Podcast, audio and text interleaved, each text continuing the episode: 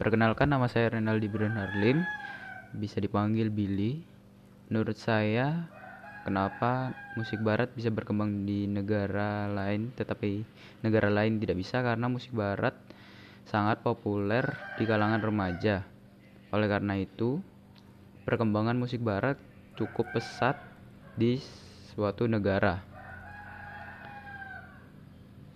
Sekian dari saya, terima kasih.